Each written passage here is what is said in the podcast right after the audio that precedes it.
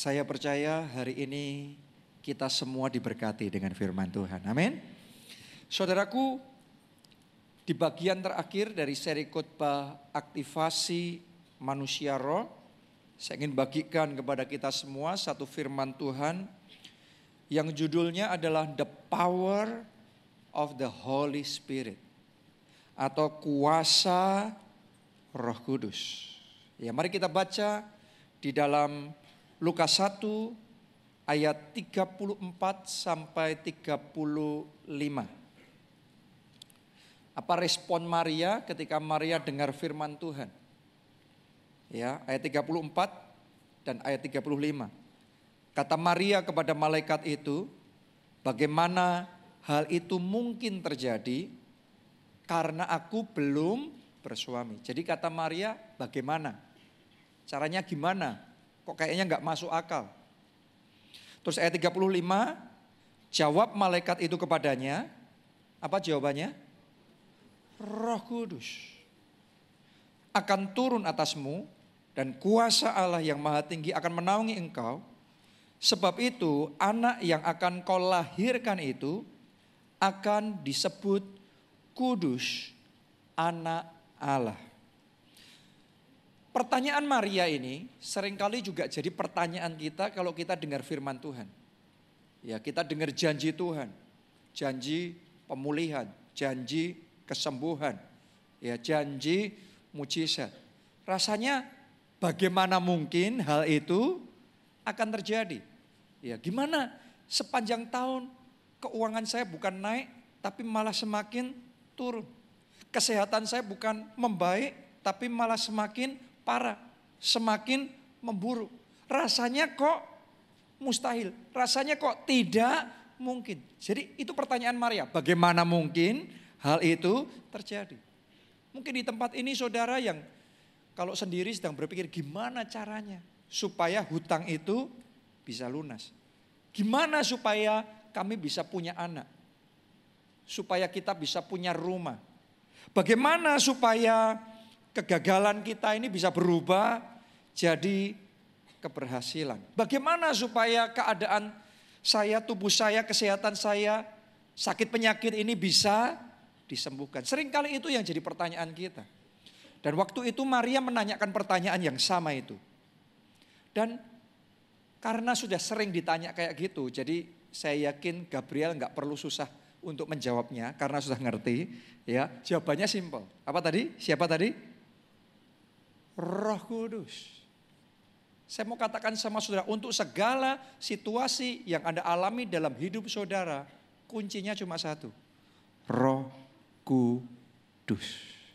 Kalau roh kudus turun atas hidup kita, yang susah jadi mudah. Yang gak bisa jadi bisa. Yang lambat butuh waktu lama akan mengalami percepatan. Benar? Kalau Roh Kudus turun atas kita, yang sakit jadi sembuh. Kegagalan kita bisa jadi keberhasilan. Pintu yang tertutup akan dibukakan buat kita. Kuncinya apa? Roh Kudus. Itu sebabnya mari kita datang dan mendekat kepada Roh Kudus.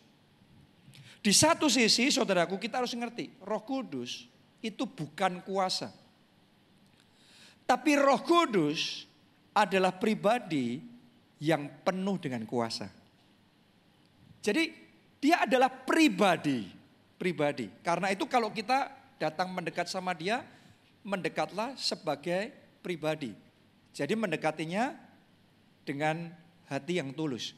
Bukan cuma sekedar karena dia punya kuasa. Sama ibaratnya kalau saudara mau dekat sama orang yang punya jabatan tinggi atau punya uang banyak, Anda cuma dekat hanya karena itu saja, ya rasanya apa? Kayak dia tidak diorangkan gitu. Cuma dilihatnya uangnya saja atau jabatannya saja. Itu akan terbatas sekali. Ya. Jadi mendekatlah sama Roh Kudus dengan hati yang tulus karena kita mau menyenangkan hatinya. Karena kita mau membangun hubungan pribadi dengan Roh Kudus. Tapi di sisi yang lain kita harus menyadari roh kudus sendiri adalah pribadi yang penuh dengan kuasa. Jadi kita harus menyadari kalau kita dekat sama Roh Kudus, tidak bisa tidak, kuasanya pasti akan dimanifestasikan dalam hidup kita. Dan ketika Roh Kudus memanifestasikan kuasanya dalam hidup kita, maka mujizat pasti terjadi. Dan saya percaya ada orang-orang di tempat ini, saya bisa merasakan dalam hati saya. Cukup banyak jumlahnya, dalam ibadah ini juga anda terima jawaban doa saudara. Anda terima kesembuhan saudara. Anda terima mujizat saudara. Terima itu dalam nama Tuhan Yesus. Amin. Ya, saya tahu Tuhan ada di tengah-tengah kita dan kalau Anda percaya mujizat terjadi. Tahun ini jadi mujizat besar buat saudara. Mujizat keuangan besar terjadi. Mujizat kesembuhan terjadi. Haleluya. Kalau Roh Kudus bekerja, anything can happen. Segala sesuatu bisa terjadi. Karena itu saudara dengarkan firman Tuhan ini dengan iman. Bukan sekedar asal mendengar.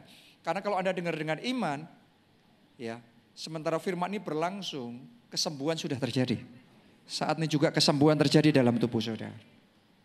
Sangat banyak sekali orang yang mendengarkan firman dan mujizat terjadi begitu saja. Bahkan saya mau tambahkan begini, kalau kita mendekat sama Roh Kudus, bukan cuma kuasanya akan dimanifestasikan dalam kita, tapi juga melalui kita. Bagi orang-orang di sekeliling kita. Itu sebabnya jadilah instrumen Allah yang menyalurkan kuasa Allah. Kita baca Matius 9 ayat 20 sampai ayatnya yang ke-21.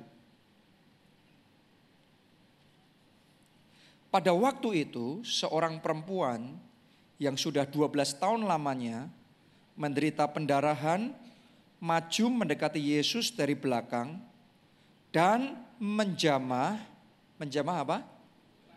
Jumbai jubahnya. Menjamah apa? Jumbai jubahnya.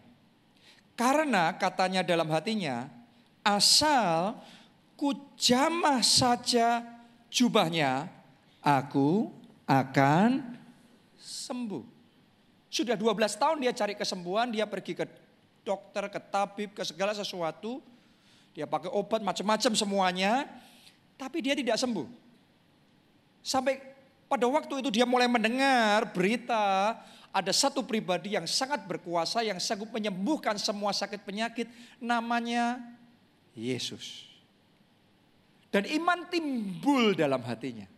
Doa saya ini yang terjadi di hati saudara. Ketika firman Allah disampaikan, ketika kesaksian diberitakan, iman timbul dalam hati saudara.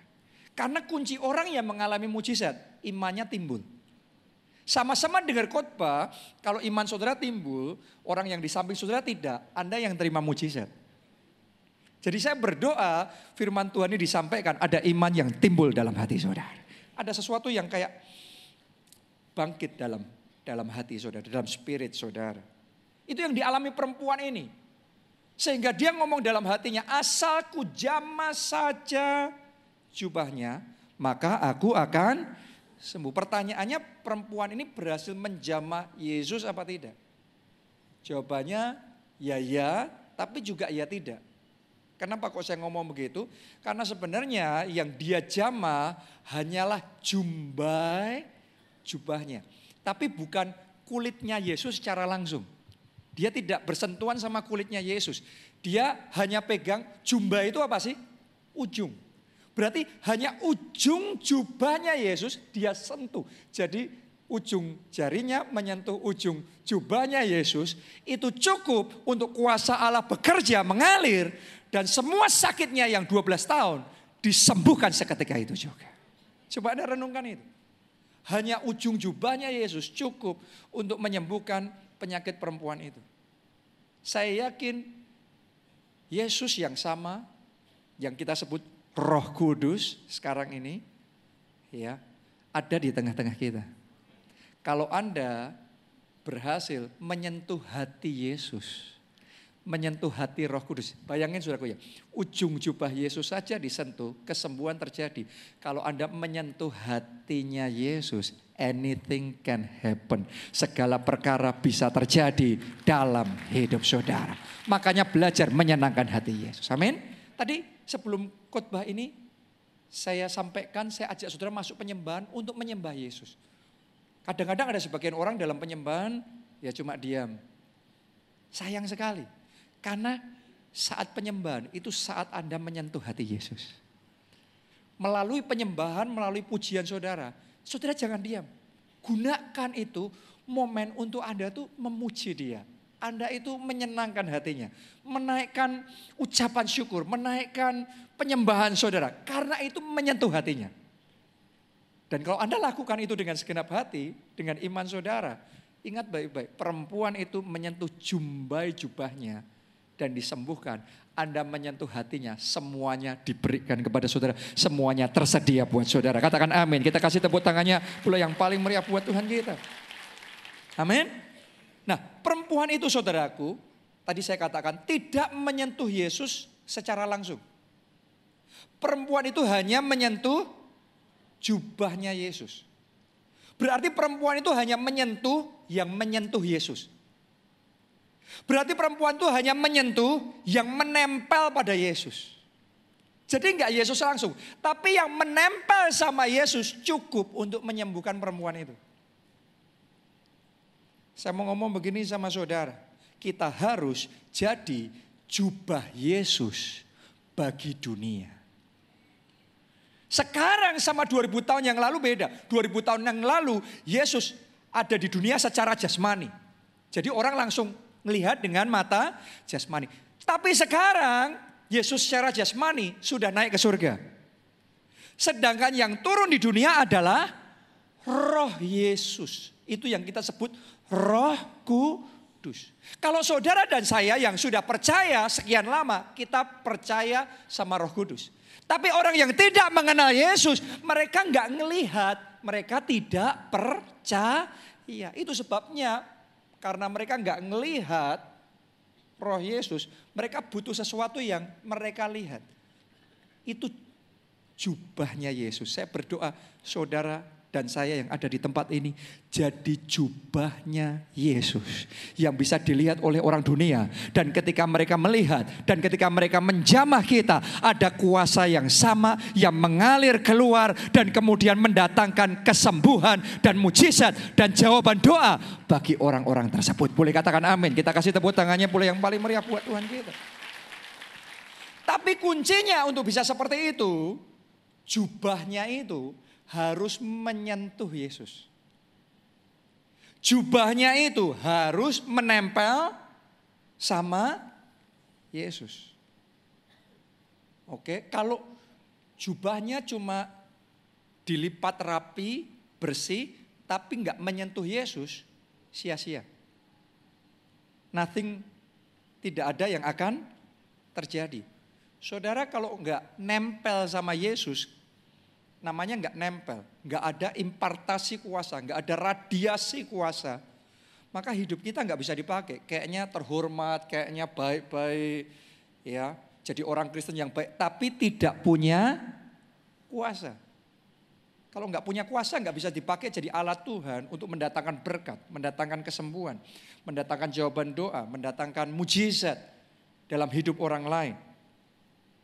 Ya, yang membuat jubahnya Yesus itu spesial karena dia nempel sama Yesus. Benar apa tidak? Yang membuat spesial karena dia nempel, bukan karena harganya mahal. Mau harganya mahal seperti apa? Kalau nggak nempel sama Yesus, nggak punya kuasa, nggak bisa mendatangkan kesembuhan. Jadilah jubah Yesus yang mendatangkan kesembuhan, yang mendatangkan berkat, yang mendatangkan mujizat bagi orang-orang di sekeliling saudara. Kuncinya apa? Nempel sama Yesus. Intimacy with Jesus, intimacy with the Holy Spirit. Keintiman dengan Roh Kudus. Sudah bisa melihat, orang-orang kalau intim sama Roh Kudus, orang-orang kalau nempel sama Yesus, sama Roh Kudus, maka dia akan berjalan di dalam kuasa Roh Kudus. Kuasa yang sama yang mengalir di jubahnya Yesus pada waktu itu juga akan mengalir melalui hidup saudara. Dan itu dialami juga oleh Petrus. Alkitab mencatat bayangan Petrus saja kena sama orang sakit dan orang sakit disembuhkan. Itu namanya jadi jubahnya Yesus. Kalau Yesus perempuan itu menjamah jumbai jubahnya dan sembuh. Tapi Petrus itu spektakuler sekali. Ya, bayangannya saja kena orang sakit dan orang sakit sembuh. Paulus juga mengalami hal yang sama. Alkitab sampai mencatat sapu tangan kalau sudah pernah dipegang sama Paulus, dipakai sama Paulus, terus kemudian dibawa sama orang, dipakai untuk doain orang sakit, maka orang sakit disembuhkan. Jadi ada sesuatu di situ. Nempel sama Yesus, pasti terima impartasi kuasanya. Karena itu saya berdoa jemaat keluarga Allah di tempat ini adalah jemaat yang nempel sama Yesus, yang punya keintiman dengan Roh Kudus, yang dipenuhi urapan Allah, dipenuhi kuasa Allah, dan ketika orang bersentuhan dengan saudara, ada kuasa Allah yang mengalir dan ada mujizat yang terjadi, ada kesembuhan yang terjadi. Amin. Nah, saya berapa waktu yang lalu, saudaraku, sempat mendengarkan kesaksian dari Pastor E.A. Adeboye saya sering cerita sama saudara tentang dia karena dia memang orang yang sangat luar biasa sekali. Ya, berapa waktu lalu saya dengar kesaksian Pastor Adeboye. Suatu saat dia pelayanan di luar negeri, dia mendarat dan dia tahu salah satu anak rohaninya akan jemput dia. Nah, waktu dia turun dari pesawat, semua orang menjemput dia, menyambut dia, tapi dia merasa anak rohaninya nggak ada di situ. Jadi dia penasaran. Dia tanya di mana orang itu. Terus dikasih jawaban ternyata anak rohaninya sakit, kritis. Dan ada di rumah sakit. Karena itu tidak bisa jemput dia. Jadi Pastor Adeboye ngomong, oke okay, saya mau datang ke rumah sakit dan saya mau doain dia. Terus dia datang ke situ. Singkat cerita begini, sakitnya anak rohani dia ini parah sekali. Saya dijelasin istilah medisnya saya kurang bisa nangkap ya. Tapi parahnya itu lebih parah daripada orang yang sakit kanker stadium 4. Jadi uh, indikatornya itu sudah parah jadi sudah dipindahin ke ICU ya karena sudah sekarat dan kapan saja bisa lewat. Oke. Jadi memang kondisinya sudah nggak ada harapan. Kapan saja bisa meninggal. Gitu. Dan nggak boleh sembarang orang kan semuanya masuk begitu saja. Pastor Adeboye datang terus ya sudah dia masuk terus dia doakan anak rohaninya. Nah saudara kan tahu kalau di ICU kan nggak cuma satu orang tapi ada banyak orang kan. Nah tapi kan Pastor Adeboye nggak bisa doain tanpa izin dari keluarga ya sudah, pokok dia masuk aja dan dia doain di situ. Setelah dia doain, anak rohaninya dia pulang. Terus dia lanjutkan pelayanan. Sekitar 4 sampai 5 hari berikutnya, kalau nggak salah tuh hari Rabu, ya, anak rohaninya yang harusnya sudah sekarat, mungkin harusnya sudah mati, keluar dari rumah sakit dan sembuh sepenuhnya. Tunggu dulu, tunggu dulu, tunggu dulu penekanan saya bukan di situ soalnya. Hebatnya begini. Di hari Rabu itu saat anak rohaninya yang didoain dia keluar dari rumah sakit dan sembuh sepenuhnya. Maka semua orang yang sakit sekarat lain yang ada di ICU pada hari di mana Pastor Adeboye masuk ruangan itu mendoakan anak rohaninya. Di hari Rabu yang sama semuanya keluar, semuanya sembuh sepenuhnya. Tepuk tangannya pula yang paling meriah buat Allah kita yang luar biasa. Saya mau ngomong sama saudara, ada manifestasi kuasa Allah yang begitu dahsyat yang Tuhan bisa kerjakan melalui hidup kita kalau kita mau jadi jubah Yesus yang selalu nempel sama Yesus. Gak main-main saudaraku, dia kalau doa tiap hari dari jam 10 malam sampai jam 5 pagi. Enggak main-main. Jadi itu kita sekarang ini di gereja sudah ngalami kuasa Allah banjir mujizat luar biasa. Tapi saya mau ngomong sama saudara, ini belum seberapa. Karena saya tahu yang terjadi di sana itu levelnya itu masih ber, ber, ber, apa ya, beberapa tingkat jauh di atas kita. Yang kita alami ini sudah dahsyat, tapi yang terjadi di sana itu sudah jauh lebih dahsyat. Tapi yang saya percaya Tuhan sedang gandeng tangan kita, bawa kita dalam percepatan rohani. Segera kita susul, segera kita mengejar dan apa yang Tuhan bisa kerjakan di sana, Tuhan juga bisa kerjakan di Jakarta, Tuhan bisa kerjakan di Indonesia, Tuhan bisa kerjakan di ibadah ini. Kita kasih tepuk tangan buat Tuhan Yesus yang mengerjakan semuanya itu. Amin. Sebenarnya di gereja kita juga mengalami hal-hal yang seperti itu. Berapa banyak mujizat terjadi dalam ibadah seperti ini, saudara sendiri mesti punya banyak kesaksian. Ada berapa banyak orang dalam ibadah seperti ini nggak perlu maju ke depan, di tempat duduk, kalau Anda tangkap firman Tuhan, Anda sembuh seketika. Seketika. Ada berapa banyak orang yang mengalami hal itu. Kemarin ada yang baru aja bersaksi, ya. Bahkan bukan cuma di ibadah. Sudah tahu nggak ibadah kita begini, ini kan ada live streamingnya di YouTube. Bukan cuma di YouTube, tapi juga ini jadi video khotbah yang disiarkan di berbagai gereja kita di seluruh Indonesia. Dan melalui video khotbah, melalui video streaming, itu kuasa Tuhan dimanifestasikan dan mujizat terjadi setiap hari, setiap minggu mujizat terjadi. Kalau Anda saksikan di live streaming gereja kita, sekarang misalnya, live streaming gereja kita di YouTube, ya, maka saudara kan bisa melihat ada orang-orang yang akan bersaksi di situ. Dari Malaysia disembuhkan, dari Korea disembuhkan, dari Amerika, dari dari Inggris terima mujizat yang luar biasa.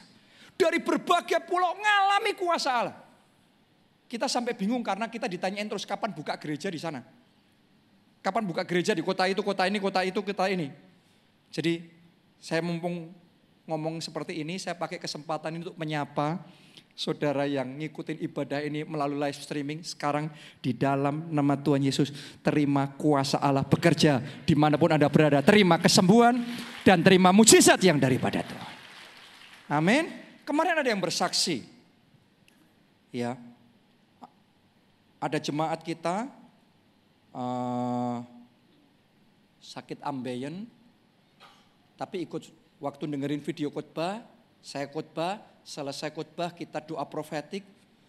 Seketika itu juga doa profetik selesai, dia duduk. Seketika itu juga lenyap sakit penyakitnya. Sembuh begitu saja. Ada lagi yang bersaksi, jemaat kita di Samarinda, seorang ibu, saudaraku, ada benjolan, uh, daging tumbuh tidak normal, ya nggak tahu itu tumor atau kanker, tapi sakit sekali di bagian payudaranya. Waktu dengar khotbah melalui video khotbah di gereja kita di Samarinda. Ya, setelah itu kita doa profetik, setelah khotbah terus doa profetik. Hari Minggunya dia dengar khotbah, hari Seninnya benjolan itu lenyap, hilang begitu saja. Saya mau ngomong sama saudara, seperti perempuan pendaran 12 tahun, cuma pegang jumbai jubahnya, sembuh. Anda di mana pun Anda berada, cuma percaya, asal percaya saja. Di tempat duduk saudara, terima kesembuhan sekarang. Terima mujizat saudara sekarang. Amin. Karena itu terjadi setiap hari, setiap saat terjadi. Hari Senin kemarin saya pelayanan di Semarang, ada satu ibu sejak bulan Maret. Berarti Maret, April, Mei. Tiga bulan. Ya. Tangannya tuh kesemutan terus. Ya. Dan itu terjadinya terus menerus. Tanpa sebab yang pasti sampai kesemutannya tuh sampai sakitnya di pundaknya dan di lehernya. Tukang pijatnya ngomong itu pasti ada yang kejepit. Terus dia cek lagi saudaraku, dikasih tahu bahwa itu adalah gejala stroke dan macam-macam. Tapi waktu kemarin kita KKR hari Senin di Semarang, KKR saya tanya siapa di sini yang mau disembuhkan oleh Tuhan. Dia angkat tangan terus kita doa profetik bersama. Selesai ibadah dia nemuin saya, terima kasih karena seketika itu juga kuasa Tuhan menjamah dia, lenyap semua penyakitnya, sembuh begitu saja. Tepuk tangannya boleh yang paling meriah buat Tuhan. Ada satu lagi full timer di gereja kita. Nah orangnya ini jenis orang yang pinter IT, saudaraku, dan logikanya kuat. ya. Cuma orang yang seperti itu kadang-kadang punya kelemahan, susah percaya dengan perkara-perkara rohani. Oke, ya bicara mujizat, bicara kuasa Allah itu kayaknya nggak masuk akal gitu. Tapi suatu kali dia ngalami masalah. Telinga kanannya tertusuk bud. Saat dia korek-korek, saking gatelnya nggak kerasa, terus sampai ketusuk gitu. Sakitnya luar biasa, dia berusaha cuekin, tapi tambah hari tambah sakit, tambah hari tambah sakit sampai dia nggak bisa nahan lagi sakitnya dan telinganya sampai dalam tahap tidak lagi bisa mendengar. Jadi nggak bisa dengar lagi. Dan cairan keluar terus dari telinganya. Itu sudah parah. Ya. Mau logika kayak apa, tapi kalau sudah keadaan kayak gitu, yang penting sembuh. Benar apa tidak? Nah saudara jangan nunggu masalah. Yang penting sekarang percaya Yesus. Amin. Di dalam nama Yesus ada kuasa yang tidak terbatas. Nah waktu dia dalam kondisi seperti itu, dia mulai belajar percaya firman Tuhan. Jadi dia ambil keputusan ikut pondok Daud di gereja kita. Ya, ternyata ada full timer yang nggak ikut pondok Daud. Ini baru ketahuan saudaraku. ya, sejak dia itu terus dia ikut pondok Daud. Dia mulai ikut pondok Daud, dia mulai. Tadinya dengerin firman Tuhan ya sudah sekilas saja. Tapi terus sekarang karena dia butuh, dia mulai belajar doa profetik. Dia mulai belajar yang namanya deklarasi profetik. Dan dia mulai ikut di pondok doa, dia mulai doa-doa dan dia deklarasikan dalam nama Yesus telinga saya sembuh. Dalam nama Yesus telinga saya mendengar. Aku percaya. Waktu dia doa kayak gitu, kuasa Tuhan bekerja. Kan tadinya sudah nggak bisa dengar. Dan cairan keluar terus. Tiba-tiba saja dia dengar suara tek. Terus dia ngomong gini, telinga saya yang tadinya sudah tidak bisa mendengar dan keluar cairan terus menerus. Tiba-tiba mendengar dengan jelas, las-las katanya. Sangat jelas sekali, memang Tuhan Yesus jos. Luar biasa Tuhan kita tidak terbatas. Tepuk tangannya boleh yang paling meriah buat Tuhan kita. Amin. Ada lagi jemaat kita yang bersaksi, di rumahnya sedang ada pembersihan saluran air. Nah pembersihannya pakai besi yang sebesar jari tangan. Ya, jadi untuk bersihin gitu. Lagi bersihin saudaraku, secara tidak sengaja ujung besinya kena sama mata karyawannya. Itu sampai darah mengalir keluar, karyawannya jatuh pingsan. Coba Anda bayangkan itu semuanya panik, langsung mereka buru-buru untuk bawa orang tersebut lari ke rumah sakit. Waktu dalam perjalanan ke rumah sakit, stafnya dia sempat sadar, terus tanya kok gelap semua. Bu gimana bu, kalau saya buta gimana? Panik semua saudaraku. Tapi hebatnya jemaat kita ini, nah saya tuh melihat sekarang ini jemaat keluarga Allah, iman untuk ngalami mujizat dan iman untuk melakukan mujizat tambah hari tambah luar biasa. Anda bisa ngerasain nggak?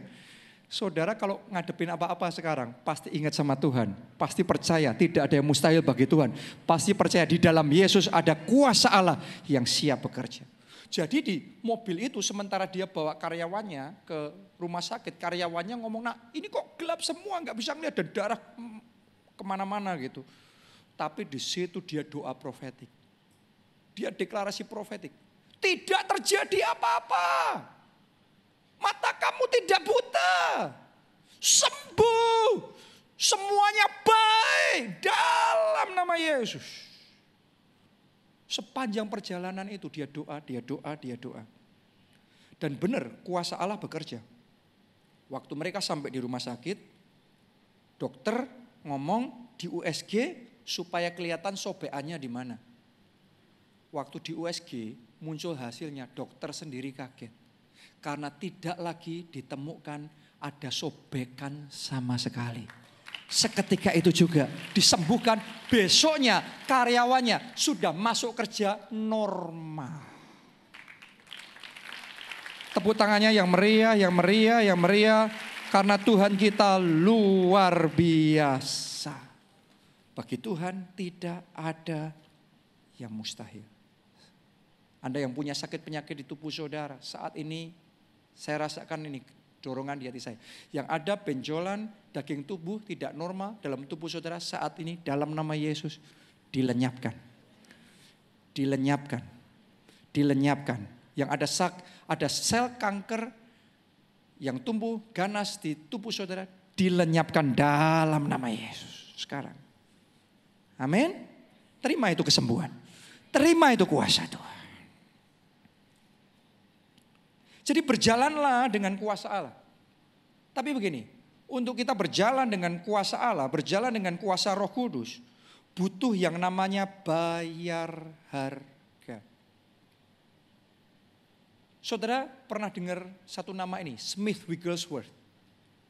Ya, dia rasul kesembuhan ilahi yang zaman itu dipakai Tuhan luar biasa.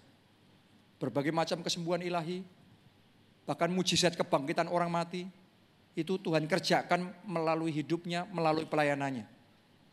Ya ini salah satu yang paling spektakuler di dunia. Nah dia ngomong begini, ya rasul-rasul yang kita baca dalam Alkitab yang dipakai Tuhan melakukan mujizat, kita juga bisa melakukan hal yang sama. Kita juga bisa mengalami hal yang sama. Apa yang kamu lihat dalam hidup saya, dia ngomong ya, kamu juga bisa melakukan hal yang sama. Kuncinya kalian harus punya yang kita punya. Siapa itu? Roh Kudus. Kuncinya baliknya itu aja. Roh Kudus. Kuasa Allah. Pengurapan Allah. Oke. Tapi dia ngomong begini. Kalau kalian mau punya yang kita punya, bayar harganya juga sama.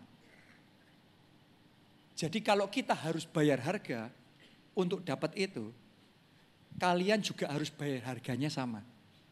Jangan minta diskon. Maunya bayar harga sedikit, tapi ngalaminya sama. No, no, no, no, no. Jadi sebenarnya kalau asal bayar harganya sama, maka impartasi kuasanya juga sama. Kalau impartasi kuasanya sama, mujizatnya juga sama. Dia ngomong apa yang saya alami, semua orang bisa alami. Kalau mau bayar harga. Sudah lihat, itu bahkan berlaku untuk Tuhan Yesus sendiri. Jangankan kita. Tuhan Yesus sendiri waktu turun ke dunia sebelum memulai pelayanan, dia ambil doa puasa 40 hari, 40 malam tidak makan dan tidak minum. Itu secara manusia nggak mungkin loh. Kalau tidak makan aja masih memungkinkan, tapi tidak minum. Itu benar-benar kodrat ilahi yang saudara harus sampai di level tertentu. Berjalan baru masuk di sana. Oke. Kita sekarang sedang dalam masa doa puasa 40 hari. Tapi saya mesti ngomong sama saudara, level doa puasanya 40 hari kita belum tentu sama dengan level doa puasanya Tuhan Yesus. Ada orang doa puasa Kebanyakan kita jam 6 sore buka puasa. Ya itu good. Itu namanya doa puasa 40 hari. Tapi kalau doa puasa 40 hari, 40 malam berarti selama 40 hari, 40 malam sama sekali tidak makan. Tuhan Yesus bukan cuma tidak makan, tapi tidak minum juga. 40 hari, 40 malam, siang dan malam. Tapi saya bisa melihat di gereja kita, Tuhan mulai bangkitkan ini mulai ada kelompok sel-kelompok sel yang ngomong sama saya, Pak, kami sedang janjian sama kelompok sel, satu kelompok sel, doa puasa tiga hari tiga malam. Terus ada lagi kelompok sel yang ngomong sedang janjian doa puasa bareng-bareng sekelompok sel tujuh hari tujuh malam. Wow. Saya bisa merasakan level, saudara semua doa puasa kan? Haleluya. Saya yakin banyak yang doa puasa di sini. Makanya saya tidak heran kalau demonstrasi kuasa Allah semakin nyata, semakin dahsyat dan semakin powerful dinyatakan di tengah-tengah kita. Karena intinya kita harus bayar harga. Musa juga sama, bayar harga doa puasa 40 hari 40 malam. Elia juga sama. Karena di situ kunci untuk mengalami kuasa Allah. Kita baca Habakuk 3 ayat yang keempat. Habakuk 3 ayat yang keempat. Ada kilauan seperti cahaya. Sinar cahaya dari sisinya. Dan di situlah. Jadi bukan di tempat lain. Ada tempat yang spesifik. Ditulis di situlah terselubung kekuatannya. Terselubung itu apa? Tersembunyi. Kekuatannya, kuasanya. Dalam bahasa Inggrisnya ditulis begini. His brightness was like the light. He had rays flashing from his hand. And there, there, his power was hidden. Di situ kuasanya tersembunyi. Jadi artinya gini, ada satu titik tertentu kalau kita masuk lebih dalam baru kita menemukan kuasa Allah itu. Karena di situ kuasa itu tersembunyi. Dengan kata lain begini, kalau kita hanya jadi orang Kristen yang di permukaan, ibadah ya asal ibadah, asal doa, asal baca Alkitab, sekilas, asal dengar khotbah. Saya mau ngomong sama saudara, di permukaan itu kita belum melihat apa-apa.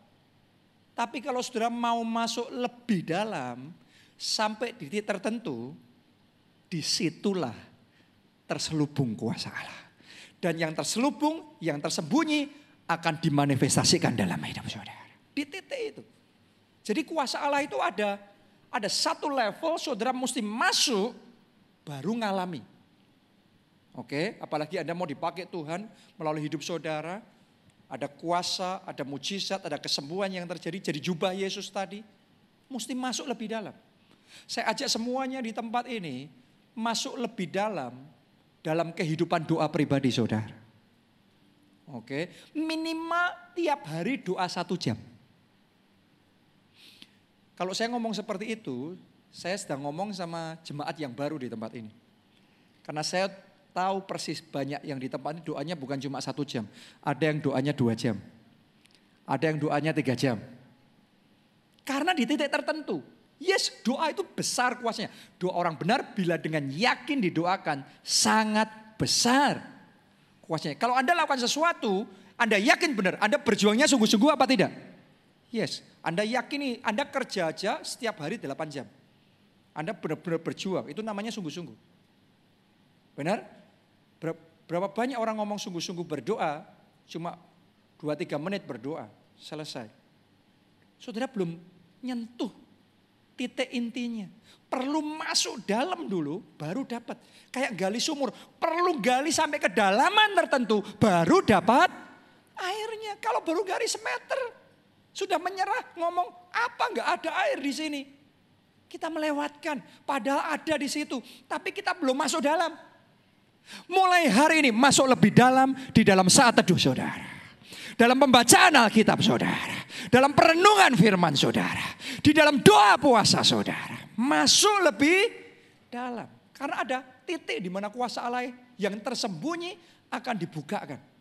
Yang terselubung akan dimanifestasikan dalam hidup saudara. Nah bagaimana caranya kita menemukan kuasa Allah yang tersembunyi itu? Mazmur 91 ayat 1 sampai 2.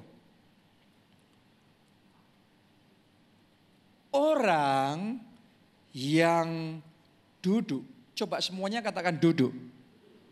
Orang yang duduk dalam lindungan yang maha tinggi dan apa? Dan apa? Bermalam dalam naungan yang maha kuasa akan berkata kepada Tuhan, tempat perlindunganku dan kubu pertahananku, Allahku yang ku percayai. Saya bacakan dalam bahasa Inggrisnya ditulis begini. He that dwelleth in the secret place of the Most High shall abide under the shadow of the Almighty. Oke. Nah, Anda perhatikan. Tadi ditulis begini, orang yang duduk. Coba Anda renungkan sebentar, apa artinya?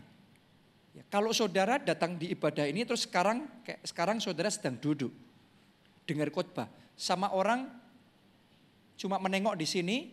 Kalau menengok terus sebentar dia mau pergi, dia akan duduk apa dia berdiri? Dia berdiri. Kalau cuma sebentar dia berdiri.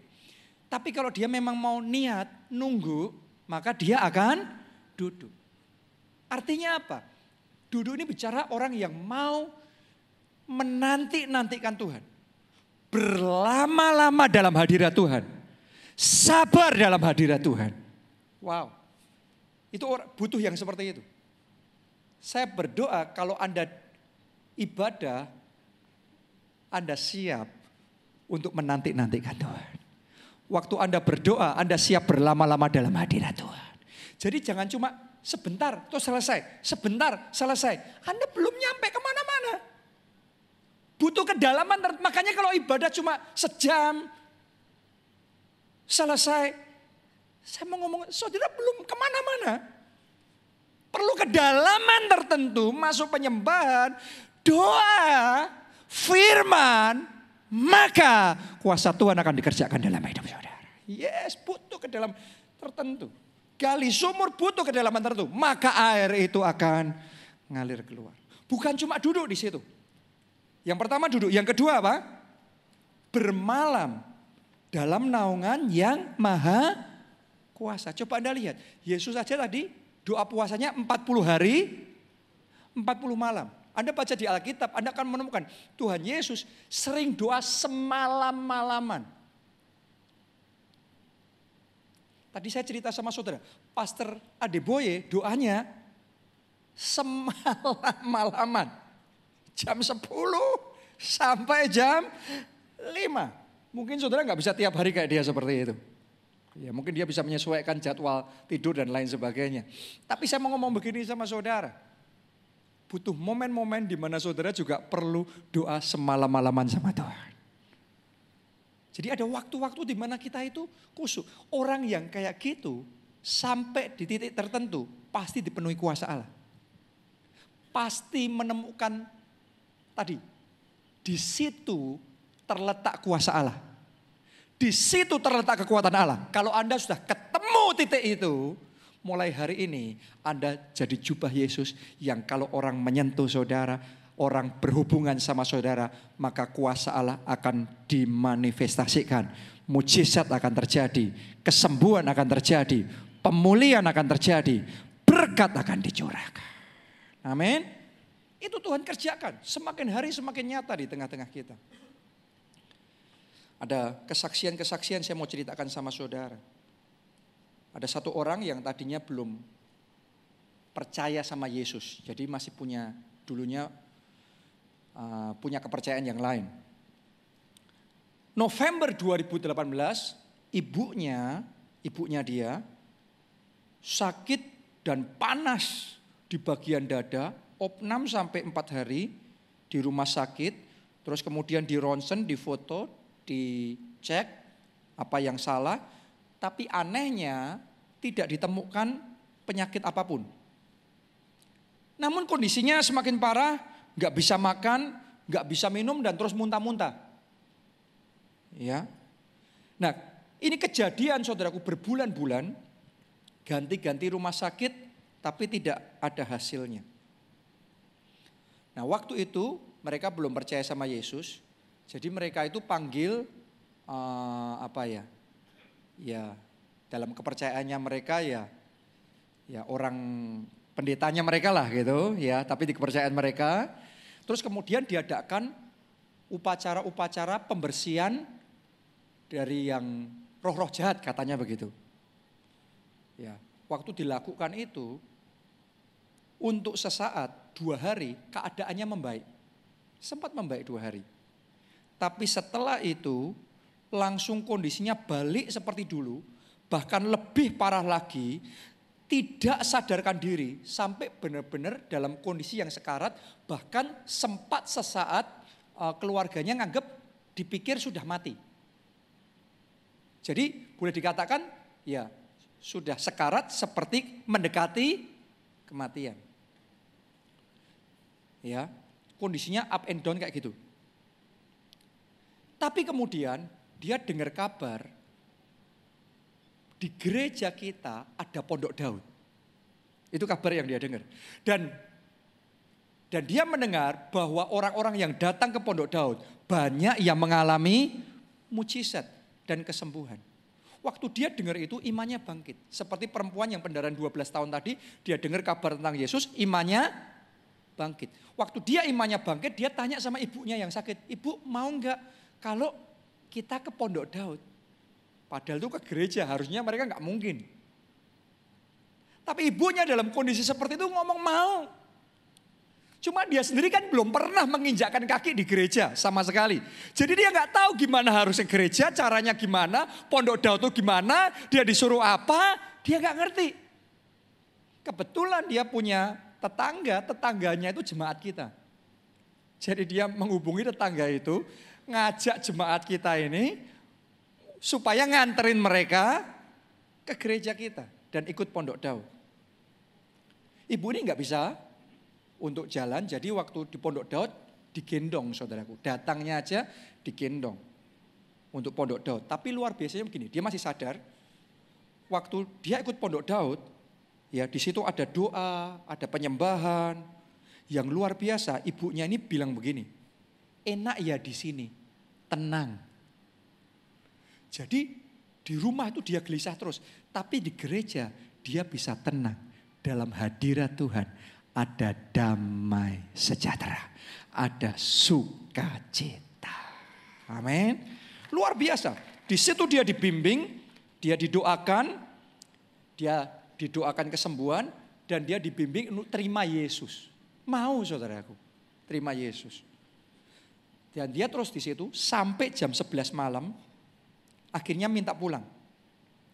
Sampai di rumah, untuk pertama kalinya setelah sekian bulan, ibunya bisa tidur dengan pulas.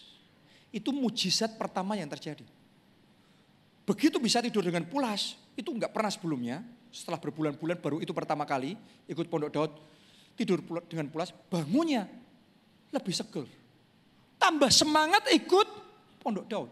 Jadi tiap saat sebisa mungkin ikut pondok Daud. Ikut pondok Daud. Dan keadaan semakin membaik. Wajahnya mulai seger. Sudah mau makan dan minum. Terus kemudian bisa jalan. Terus bisa melakukan aktivitas lain. Bisa masak buat keluarga. Bisa ambil makan sendiri. Bisa pergi rumah keluarga. Dan keadaannya jauh lebih baik. Boleh kita tepuk tangannya yang meriah buat Yesus yang menyembuhkan ibu ini. Luar biasa. Bahkan dia saudaraku mau percaya sama Yesus, ikut di dalam kelompok sel, terus sama teman-temannya yang dari latar belakangnya dia dulu. Kan mereka heran. Mereka ngerti keadaannya dulu seperti apa, sekarang kok bisa sembuh. Ditanya, loh kok kamu bisa sembuh gimana? Dia selalu ngomong, saya disembuhkan oleh Tuhan Yesus. Tepuk tangannya buat Tuhan Yesus yang meriah.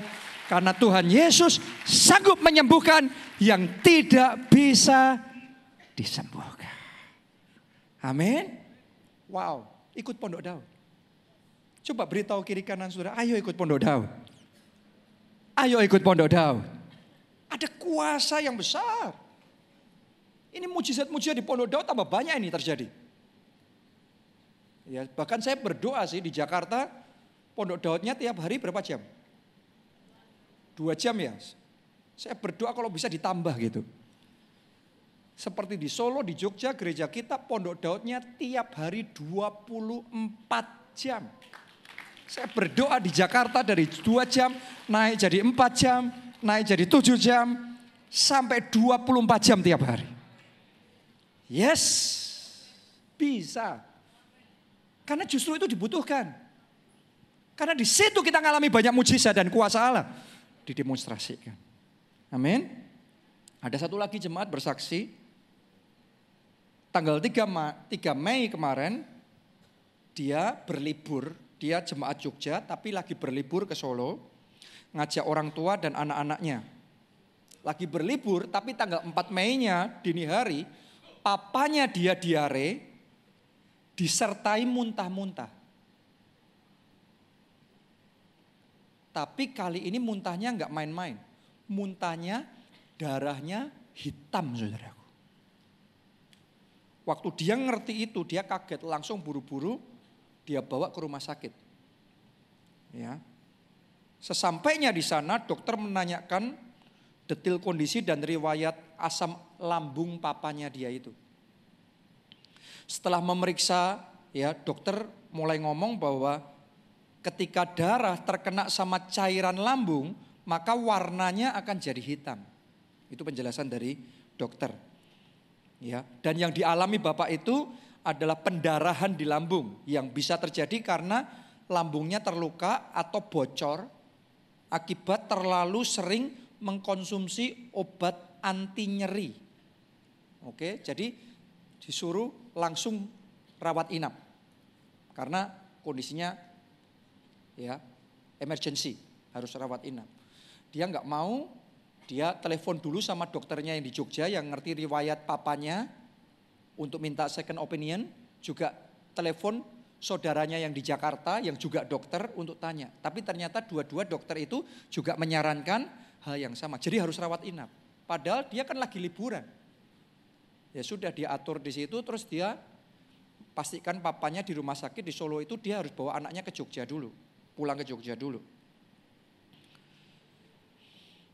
Terus kemudian dia mulai komunikasi sama istri saya, sama Pastor Neta. Kemudian mulai dikuatkan, dibangun imannya. Terus kemudian mulai dengar khotbah. Jadi dia balik dari Jogja ke Solo lagi. Ya. Selama di perjalanan dia terus dengar khotbah tentang deklarasi profetik. Didengarkan lagi, didengarkan lagi. Dan sementara dia dengar khotbah, dia praktek. Jadi dalam perjalanan Jogja Solo itu sekitar dua jaman. Ya, dia nggak mau sia-siakan waktunya cuma nyetir perjalanan nggak ngapa-ngapain, nggak cuma dengar aja, tapi dia praktek doa profetik, praktek deklarasi profetik dalam nama Yesus. Dia ngomong begini, saudaraku, ya, saya datang ke Solo bukan untuk menemani papa saya di rumah sakit di Solo. Tapi saya datang di Solo untuk menjemput papa saya karena papa saya sudah sembuh. Itu deklarasi profetiknya. Jadi deklarasi profetik itu adalah mendeklarasikan sesuatu supaya terjadi. Oke, pakai perkataan saudara untuk mendeklarasikan sesuatu supaya terjadi. Menubuatkan sesuatu supaya terjadi. Oke, jangan pakai perkataan saudara hanya menjelaskan kondisi yang negatif. Waduh parah, papa saya parah, sakit. Jangan pakai hanya untuk menjelaskan gitu. Pakai perkataan saudara untuk mendeklarasikan kesembuhan saudara terjadi. Kemenangan saudara terjadi. Doa saudara sudah terima jawaban dari Tuhan. Amin. Jadi sepanjang perjalanan dia pakai untuk deklarasi profetik. Pokok saya datang ke Solo untuk jemput papa saya karena papa saya sudah sembuh. Tahukah saudara, sesuai dengan imannya, kuasa Tuhan bekerja. Kuasa Tuhan bekerja, hari itu saudaraku dokter cek, terus muncul hasil ceknya. Dokter kaget, karena hasil ceknya semuanya baik. Dokter heran, kok bisa kemarin muntah-muntah darah seperti itu. Tapi hari ini semuanya sudah baik dan dinyatakan dokter papanya sembuh. Dan benar-benar sesuai dengan yang dia deklarasikan. Hari itu dia nggak nginep di Solo nemenin papanya sakit. Tapi dia jemput papanya balik ke Jogja karena sudah sembuh. Hebatnya lagi begini. Dia kan mengendarai hari itu dari Jogja ke Solo. Naik mobil benar nggak? Terus dari Solo balik ke Jogja sampai di Jogja dia baru sadar ya bahwa bensin di mobilnya sedikit pun tidak berkurang.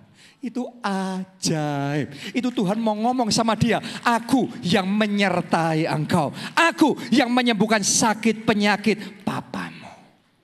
Hari ini Tuhan yang sama yang sanggup menyembuhkan papanya dia. Tuhan juga sanggup menyembuhkan keluarga saudara. Tuhan sanggup menyembuhkan orang tua saudara. Tuhan sanggup menyembuhkan anak-anak saudara. Tuhan sanggup menyembuhkan teman saudara. Kalau Anda percaya, terima kuasa Allah. Bekerja dalam hidup saudara. Tepuk tangannya pula yang paling meriah buat Tuhan kita. Amin. Yang terakhir, kesaksian terakhir. Mungkin pemain musik bisa maju ke depan. Ini jemaat kita Februari kemarin waktu dia ulang tahun, happy sekali karena banyak yang ngucapin selamat ulang tahun. Tapi siangnya tiba-tiba sesuatu terjadi, suaminya saudaraku merasakan sakit yang luar biasa di dada sampai di punggung belakang. Jadi kena serangan jantung. Ya. Langsung dibawa ke rumah sakit di rumah sakit itu suaminya kejang-kejang, muntah-muntah dan matanya hanya melihat ke atas. Jadi kelihatan cuma putih saja. Langsung dokter dan semua perawat langsung menangani. Wah semuanya menangani. Tapi kalau saudara ngerti dalam penanganan seperti itu, itu kan ada mesin rekam jantung yang mendeteksi detak jantung. Kalau masih ada detak jantungnya kan naik turun naik turun kan? Ya tapi ternyata sudah tidak tertolong. Jadi sudah tit. Jadi di mesin rekam detak jantung itu benar-benar apa? Sudah garis. Berartinya apa? Tidak lagi terdeteksi detak jantungnya. Berarti sudah nggak ada. Langsung dokter-dokter semua saudaraku Oh, maksudnya dokter sama perawatnya langsung berusaha untuk pakai apa alat apa alat kejut atau alat apa itu namanya ya untuk bisa menstimulasi lagi. Tapi nggak tertolong. Nah tapi jemaat kita ini dalam kondisi kayak gitu dia tidak mau membiarkan suaminya mati begitu saja. Lewat begitu saja. No. Dia bangkit dalam iman, dia telepon kelompok selnya, tolong dukung saya dalam doa. Ini saya melihat sendiri, itu detak jantungnya sudah flat. Tapi saya ajak teman-teman kelompok sel dukung dalam doa. Jadi dia di rumah sakit teman-temannya di mana pun mereka berada, doa profetik dalam nama Yesus sembuh. Dalam nama Yesus bangkit itu berjuang di dalam doa. Hari ini kalau saudara sedang menghadapi masalah yang besar dalam hidup saudara, jangan pasrah, jangan menyerah. Hari ini saya ajak saudara bangkit dan berjuang di dalam iman. Karena kalau Anda percaya kuasa Tuhan bisa bekerja, keadaan bisa dibalikkan. Amin. Sudah tahu enggak? Dia berjuang dalam doa seperti dokter sudah lepas dia berjuang dalam doa seperti itu. Roh Kudus berkarya. Suaminya yang detak jantungnya sudah flat itu.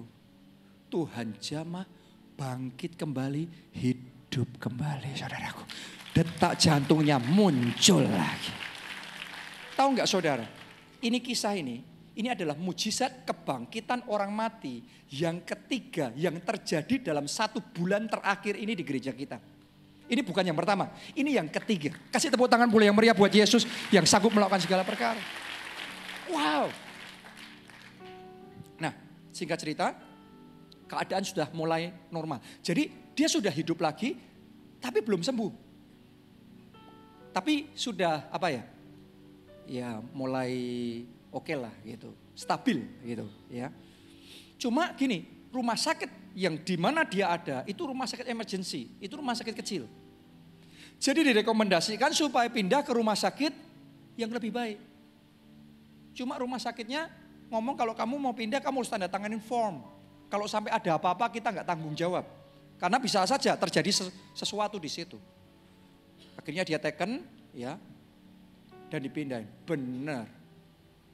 Sampai di rumah sakit yang berikutnya itu kejang-kejang lagi. Ngalami hal yang sama serangan jantung lagi. Sudah tahu nggak? Waktu dia ngalami semuanya itu dokter ngomong begini sama dia. Kondisi suamimu ini ya kemungkinan cuma dua. Yang pertama mati, sudah lewat, tidak tertolong. Yang kedua, kalau hidup pun stroke. Kemungkinannya cuma itu, sudah nggak ada kemungkinan yang lain.